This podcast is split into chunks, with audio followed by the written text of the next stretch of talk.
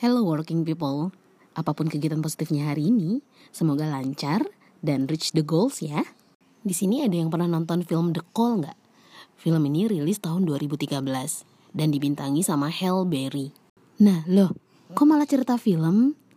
Iya dong, karena film The Call ini relate sama dunia call center. Buat yang udah nonton pastinya udah tahu gimana cerita tentang dunia call center di film ini.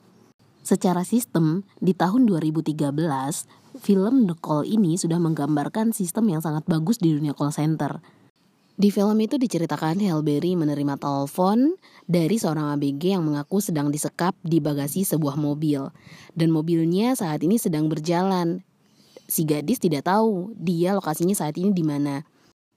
Sebagai insan call center yang bekerja bertahun-tahun di dunia call center, gue udah berpindah banyak kantor, Gue bukan mau menceritakan tentang film ini, tapi betapa canggihnya alat yang mereka gunakan.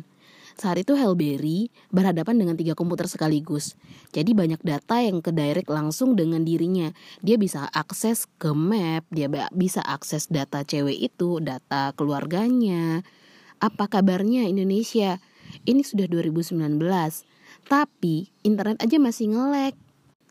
Tahun 2013 aja mereka sudah menggunakan alat secanggih itu kemajuan teknologi yang tidak ada batasnya. Indonesia 2019, satu operator dengan satu komputer aja sudah kesulitan. Gimana nggak kesulitan coba? Selain dari internet yang ngelek, koordinasi dari satu bidang ke bidang lain juga nggak terlalu bagus. Akibatnya apa? Update data terlambat, data kurang lengkap. Jadi sekarang ada gambaran dong, gimana operator call center bekerja, gimana mereka menghadapi pelanggan-pelanggan yang maunya cepet-cepet aja, yang maunya jawaban instan dan solutif. Tidak semudah yang dibayangkan. Perusahaan maunya profit besar, tapi mereka tidak mau rugi.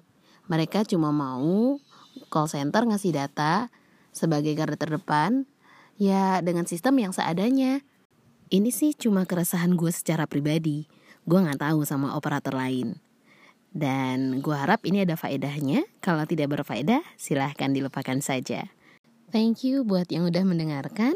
Semoga ke depannya gue punya cerita-cerita lain yang berfaedah buat kalian semua. Dan sampai ketemu di episode berikutnya. Bye-bye. Oh iya, maaf juga buat background gue yang kedengaran banget itu suara burung. itu suara burung di lantai 4 punya bapak kosan gue. Tolong diinterpretasikan dengan baik suara burung piaraan bapak kosan gue. Dah.